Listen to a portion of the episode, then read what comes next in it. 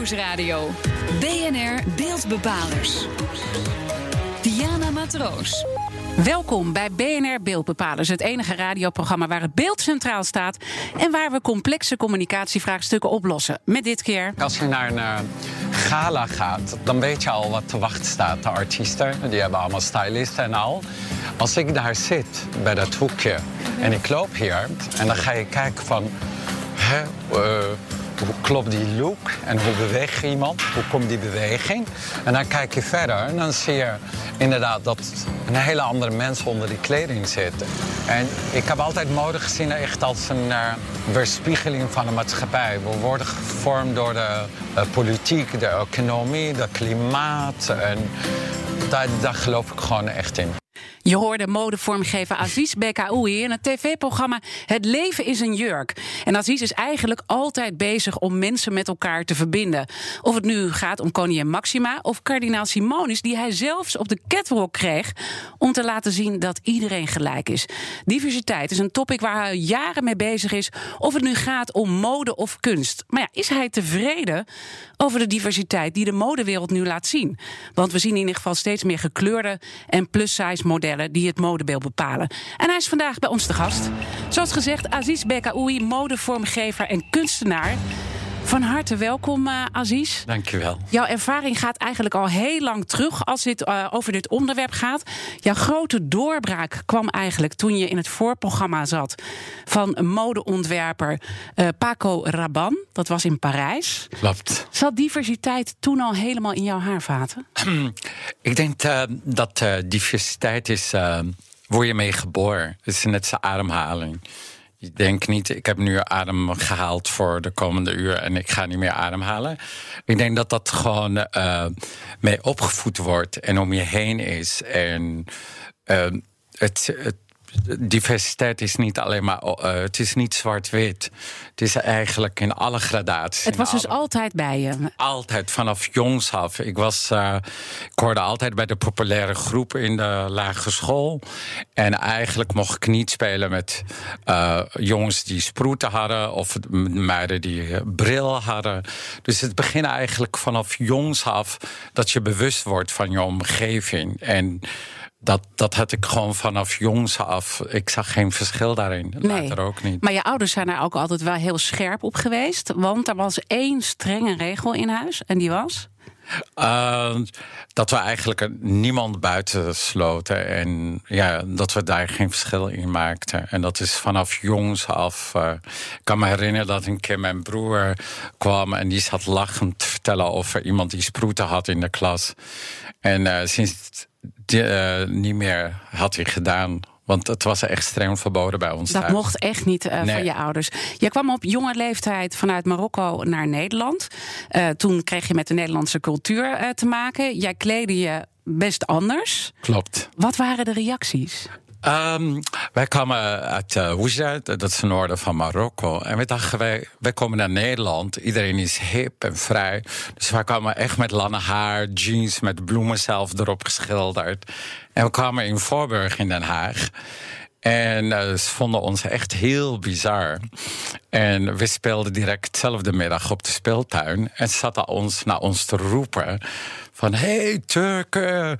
Maar wij dachten, oh, wat zijn die mensen hier aardig. Je, welkomen ons hier. het niet. Nee, begrijpen niet. En ik ben eigenlijk heel vaak naar huis gestuurd om een andere kleding aan te doen. Omdat dat uh, afleiden van de klas. En de kinderen moesten daarom lachen. En, uh, dus ook door de docenten die zeiden... Aziz, je kan je beter niet zo kleden. Zo Ja. doen we dat hier niet. Klopt. En mijn ouders waren eigenlijk heel uh, stellig daarin. Ze zeggen, oké, okay, jij kan je kleding uitdoen... en dan naar school gaan en dan is iedereen blij en niemand pest je.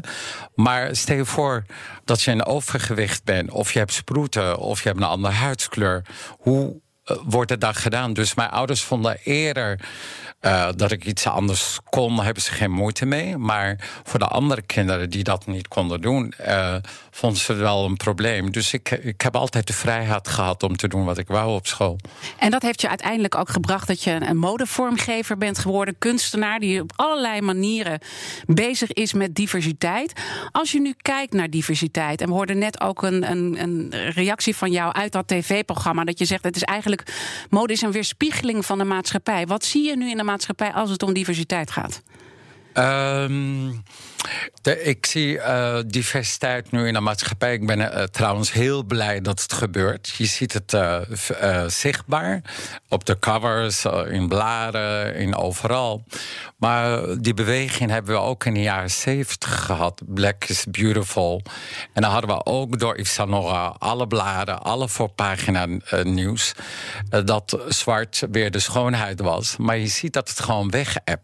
En ik denk dat wij uh, ik ben heel blij dat het gebeurt op elke level. Ik denk dat we over duurzaamheid hebben. Maar duurzaamheid is niet alleen maar materialen en de aarde, maar ook hoe wij verhalen aan elkaar doorvertellen. En dat 20 jaar, 30 jaar niet meer hetzelfde verhaal hoeft te vertellen. En dat het gewoon vanzelfsprekend is. En die vanzelfsprekendheid is er dus eigenlijk nog steeds niet. Uh, je vertelde nu dat je blij bent over de modewereld die wel echt uh, stappen zet. Overigens was jij er wat eerder bij. Want op de Amsterdam Fashion Week in 2014 had jij al een heel diverse modeshow. Ja, dat klopt. Ik, eh, ik, ik heb het eigenlijk constant gedaan en diversiteit in een brede vlak. Maar nu zie ik dat als een modegril. En ik hoop dat, dat ze daarmee duurzaam mee om kunnen gaan. Dat het niet alleen maar een trend is, maar dat ze al de volgende generatie dit gesprek niet hoeft te voeren. Maar andere gesprekken, dus weer ruimte voor andere dingen. Want ik, ik geloof, als je niet duurzaam gaat met diversiteit, als je een begin verschil begint te maken, dan gaat het oneindig uh, uh, door naar andere termen. Uh, vrouw, man, gender. inclusiviteit, hè, is nu het modewoord. en ik denk dat we ehm, heel duurzaam daar moeten mee omgaan. Dat het begint eigenlijk vanaf jongs af.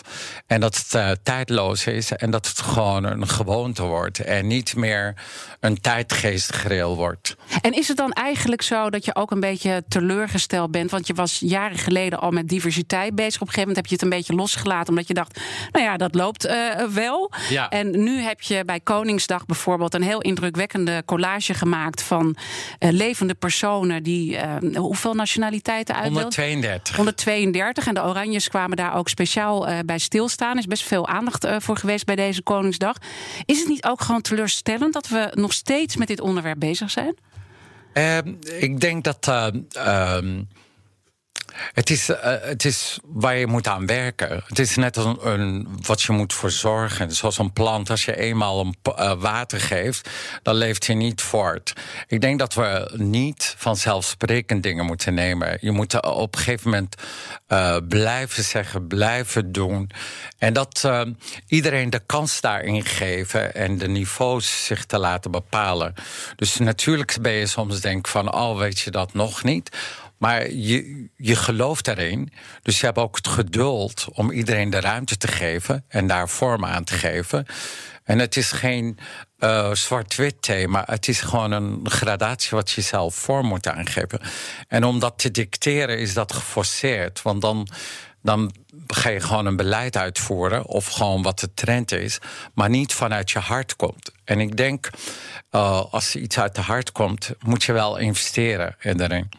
Dus dat, dat gaat veel verder dan het alleen benoemen. Eigenlijk beschrijf jij nu een beetje dat er veel window dressing wordt gedaan. Of het nou de modewereld is of bedrijfsleven, hè, waar het dit algemeen, ja. ook uh, steeds valt.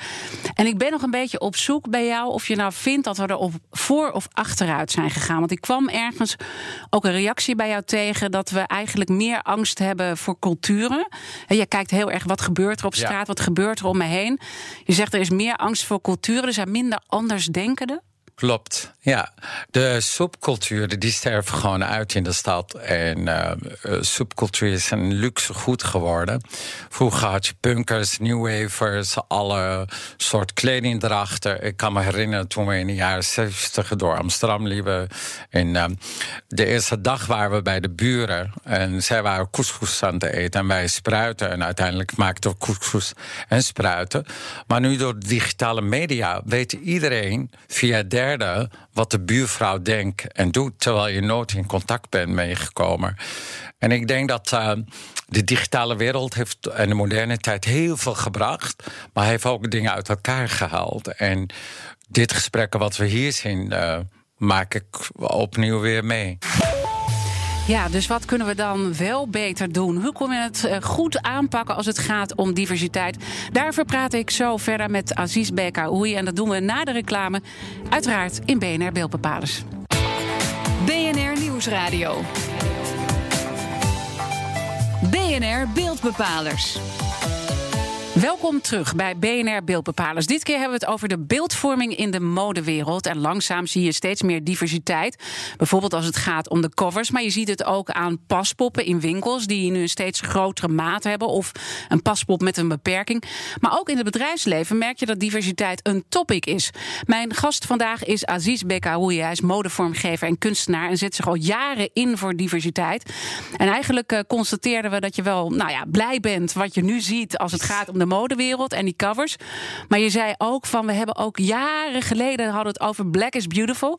En uiteindelijk is alleen Naomi Campbell overgebleven. Ja, nee, dat klopt. In de jaren 60, 70 met Yves Saint Laurent en Paco Rabanne. Er was uh, heel veel Afrikaanse modellen op de catwalk. En je ziet gewoon dat de eind jaren 80, 90 is er allemaal verdwenen.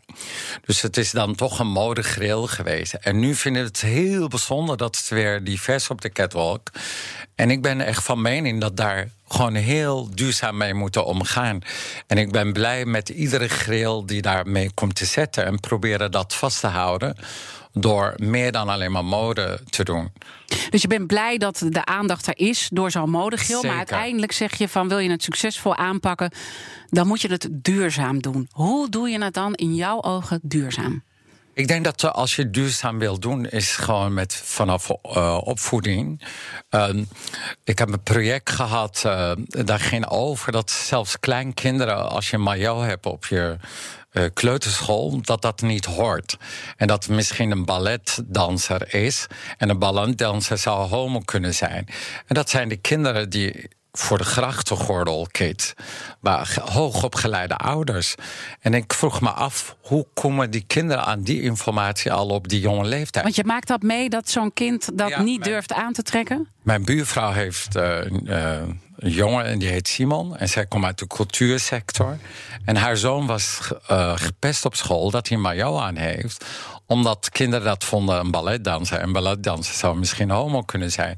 En dat was, had niks met etniciteit te maken. En daarom, diversiteit is gewoon uh, kun je niet omheen. Als het dadelijk niet om zwart-wit gaat, gaat het om lang, kort, gaat het om uh, mayo, niet mayo. Dus eigenlijk diversiteit kunnen we niet omheen. En het is dat gewoon, is gewoon een gegeven. Dat is een gegeven. Vind je het dan ook een beetje onzinnig hoe daarover gesproken wordt? Want je hoort continu, ja, we gaan ja. werken aan diversiteit, ook in het bedrijfsleven. Ik doe zelf heel veel advies op dat gebied. En dan uh, vind ik soms ja, dat vanzelfsprekend vinden dingen niet te weten. Ik denk als je in het bedrijfsleven hebt gewerkt en je bent midden 50, hm. dan moet je bepaalde dingen weten. Anders heb je onder een steen geleefd. Dus... Geef eens een voorbeeld waaruit dat dan blijkt dat je denkt van ze hebben het gewoon echt niet begrepen. Nou, dat, dat gewoon uh, uh, bijvoorbeeld. Um, wordt over diversiteit gedacht van dat het heel bijzonder is om iets daarmee te doen. En dat, dat je niet ontgaat dat het gewoon vanzelfsprekend is en essentieel is. Ook voor je omgeving, als vrouw, als man, als cultuursector. Want zodra je diversiteit niet heeft, is de factor waar je ook in werkt, zoals sector wordt als eerst buitengesloten. Want dat zijn kunstenaars, dat cultuur is gewoon, uh, nou, het stelt niet zoveel voor. Dus diversiteit is gewoon eigenlijk als een ademhaling. En dat je vanaf jongs af krijgt. En het heeft niks met zwart of wit, maar het heeft met ons samenleving, met ons heritage, met ons erfgoed. En hoe wij ons tot elkaar verhouden. Als jij dus daar moet het beginnen in de basis. Absoluut. Als, jij, als ik in, uh, in een wijk woon en uh, iemand komt uit een andere wijk, dan ben ik niet beter of uh, veel interessanter. Maar dat je tot elkaar verhoudt. En dat als wij daar zeg maar al de etniciteit weglaten. Mm Onder etniciteiten zijn natuurlijk ook verschillen en diversiteit. Ben je donker genoeg of ben je licht genoeg? Of, ja. Dus het gaat oneindig. Zodra je een verschil begint te maken, dan is er geen eind aan. En dus dit gaat, en dat is wel mooi, want dit programma heet Beeldbepalers. Dit gaat dus allemaal hoe wij beelden binnenkrijgen en hoe wij die ook filteren, die beelden. Maar jij kijkt ook altijd om je heen. Dus jij hebt toch ook bepaalde beelden van anderen. Hoe ga jij daarmee om? Ik, ik ik heb uh, een beeld van bepaalde anderen, maar ik, raak dan nieuwsgierig. Ik wil dichterbij komen. Ik wil het fijne van weten. Uh, ik hoor, ik heb uh, natuurlijk een bagage. Ik heb geschiedenis gestudeerd, kostuumgeschiedenis. Dus ik heb alle kennis. Maar de realiteit is toch anders. Dus met alle kennis die je hebt, moet je in dat moment zijn. En luisteren naar dat persoon die voor je is. En misschien heb je honderd voorbeelden gezien die wel zo zijn. Maar net dat verhaal is, maakt het anders. En dat is hoe je een kind leert uh, nieuwsgierig te zijn naar derde. En niet vanzelfsprekend uit te gaan vanuit een, een beeld wat je ziet. Maar niks is vanzelfsprekend en niks is wat het lijkt. Dus de interesse in elkaar, dat is gewoon oneindig. Dus dat is een heel belangrijk gegeven. Je moet nieuwsgierig zijn. De interesse in elkaar is oneindig. En dat moet je de kinderen al leren. En daarmee kan er een beweging op gang komen. Toch zijn er een hoop bedrijven die er nu mee aan de slag willen. En jij zei, je adviseert ook vaak uh, op dat punt. Hè. Ook bijvoorbeeld het, het boerenbedrijf heb je daarover geadviseerd. Wat adviseer die mensen die al opgevoed zijn? Om uh, toch te doen, willen ze hier een succes van maken? Ik, ik denk dat je gewoon uh, niet denkt in beleid. Niet, denken in regels. Niet denken wat goed is en slecht. Gewoon wat je ook aanvoelt. Wat, wat goed voelt. En niet willen geforceerd doen van... oh, het moet nu gebeuren en ik weet niet hoe. En ik... Dus als je eigenlijk de tijd neemt... En ook zoals je eigenlijk op vakantie ergens op een terrasje met locals ergens in Griekenland, Frankrijk, Afrika gewoon een gesprekje aangaat, dan is het al heel goed begin. Dan hoef je helemaal geen beleid. Uh, uh, expert te zijn. Maar dan luister je gewoon naar je gevoel. En naar je gevoel luisteren is altijd heel moeilijk. Want je wordt overrompeld door de grote groep. Door hoe je moet denken. En ik denk, om dicht bij ons te blijven, is dat natuurlijk altijd de beste. Ja, zie je iets in de samenleving gebeuren waardoor je een beetje hoopvol wordt? Want eigenlijk zei je, ik zie meer angst voor nieuwe culturen, anders ja. denkende. We zijn veel meer terug in tradities. Uh, ik, ik, ik kijk er hoopvol naar, want ik denk dat er heel veel uh, uh, mogelijk is. En er valt heel veel te doen. En zodra. Uh, het is net een seizoen. Uh, je hebt winter, herfst. En dat gaat door. Het is, het is niet altijd hetzelfde. Dus je moet aan blijven werken. We zijn alweer aangekomen bij de conclusie. En we hebben besproken diversiteit, hoe we daarmee bezig zijn in Nederland, in de modewereld, in het bedrijfsleven. Ja, wat is jouw laatste advies op dit punt? Ik denk dat uh, uh, diversiteit denken we direct aan uh, fair en andere cultuur. Het begint eigenlijk al in je buurt en je school en je schoolklas. En eigenlijk vanaf daar leer je wat het is. Niemand is hetzelfde, maar iedereen heeft zijn mooie punten, minder punten. En daar probeer je gewoon een landschap dat iedereen mag zijn. En je hoeft eigenlijk niet ver voor te gaan zoeken. En je moet gewoon nieuwsgierig zijn. Dat is eigenlijk de kern van jouw uh, boodschap. Uh, is er nog iets waar jij van droomt als het om dit onderwerp gaat?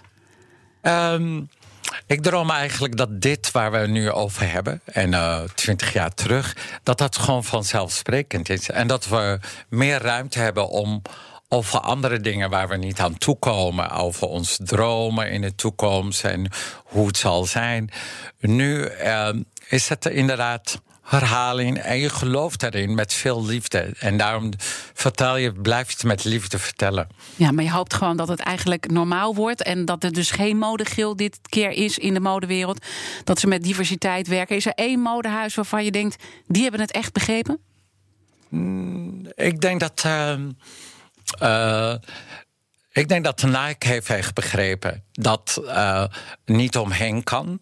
En dat ze zich nu kunnen permitteren als een groot bedrijf daar gewoon in te geloven zonder een modegril te zijn. De beeldbepaler van de week. Het is tijd voor de beeldbepaler van de week. Redacteur Madelief van Haarlem, vertel ons. Nou, de beeldbepaler van deze week is Bella Hadid, uh, het model. Zij gaat diep door het stof op social media, want um, ze wordt van racisme beticht. Nou, hoe zit het verhaal nou in elkaar? Bella die had op haar Instagram story een foto geplaatst. En nou ja, zij reist natuurlijk de hele wereld over en je verveelt je af en toe. Dus ze had met haar voet op het glas en dan om te laten zien: ik ben weer onderweg. Maar wat ze dus niet had gezien, was dat er op de achtergrond vliegtuigen waren te zien van onder andere de Verenigde Arabische Emiraten. Dus nou ja, al met al, zij dacht leuk, ik plaats die foto. Maar daar is heel veel ophef om geweest. Omdat mensen zeggen, ja zeg, wat is dit nou uh, racisme? En dit kun je dus echt niet maken om zo je voet uh, te laten zien. Nou, Bella die was zich echt van geen kwaad bewust. Die zag niet eens om welke vliegtuigen het ging of waar die dan vandaan kwamen. Dus zij is nu uh, ja, op, op Instagram en op Twitter heeft ze in het Engels en in het Arabisch heeft haar excuses aangeboden. En um, nou ja, goed, de, de foto is natuurlijk verwijderd op haar account, maar het dwarrelt nog wel hier en daar uh, op het internet. En om nog even goed te begrijpen, want je ziet dus die, die laars van haar in ja. beeld, de zwarte laars, en op de achtergrond die vliegtuigen. Ja. waarom is dat dan racisme en beledigend? Ja, dat is in de Arabische wereld vinden ze dat heel beledigend als je uh, je schoen laat zien. En uh, dus, nou ja, daar heeft het dan mee te maken. En nou ja, wist Bella veel van, van wat ze nou eigenlijk aan het doen was. Dus ik ben wel benieuwd, Aziz, van ja, begrijp jij dat Bella zo door het stof gaat? Of denk je van, joh meid, laat lekker gaan? Ik, ben, ik ben heel blij dat dit gebeurt. En Bella is alles behalve racistisch. Ze is half Palestijns, half Nederlands. En ze uh, komt op echt voor uh, onrecht in de wereld, ook voor kinderen. En deze dames die zich Dior kunnen permitteren en Dior willen boycotten. Dan ben ik blij dat ze nu op stand komen. Want het zijn wereldleiders, mannen, die hun uh, boycotten en daar niks tegen opnemen. Dus ik denk dat zo'n uh, model, een dame, een schoonheid natuurlijk, de ruimte niet krijgt. Ze heeft zich excuus aangeboden, ze heeft van een foto. Ik hoop dat dit trend zich neerzet als Trump iets roept. Dat al deze dames al die merken boycotten. Hamburger, uh, Burger King, McDonald's, uh, Kentucky, Disneyland. Dat zijn de doelgroep die nu uh, zeggen dat ze Dior gaan boycotten. En de merken waar Hadid de ambassadeur van is. Dus als dat trend echt doorzet, zou ik heel blij mee zijn. En dat het niet alleen maar bij Gigi blijft, maar ook bij de wereldleiders die meer beledigend zeggen over die generatie dan uh, Gigi, die zich uh, excuses Bella. Bella. Ja. Ja. Dankjewel, Madelief van Haarlem. En natuurlijk dank aan mijn gast van vandaag, Aziz Bekaoui, modevormgever en kunstenaar. En dit was meteen BNR Beeldbepalers. Terugluisteren kan zoals altijd via de site, de app, iTunes of Spotify. En kijk dan misschien ook even naar de podcast All Inclusive, waar ik met, met experts praat over diversiteit en inclusiviteit. Denk bijvoorbeeld aan Kim Putters, directeur van het Sociaal Cultureel Planbureau. Mijn naam is Diana Matroos. Heel graag tot volgende week.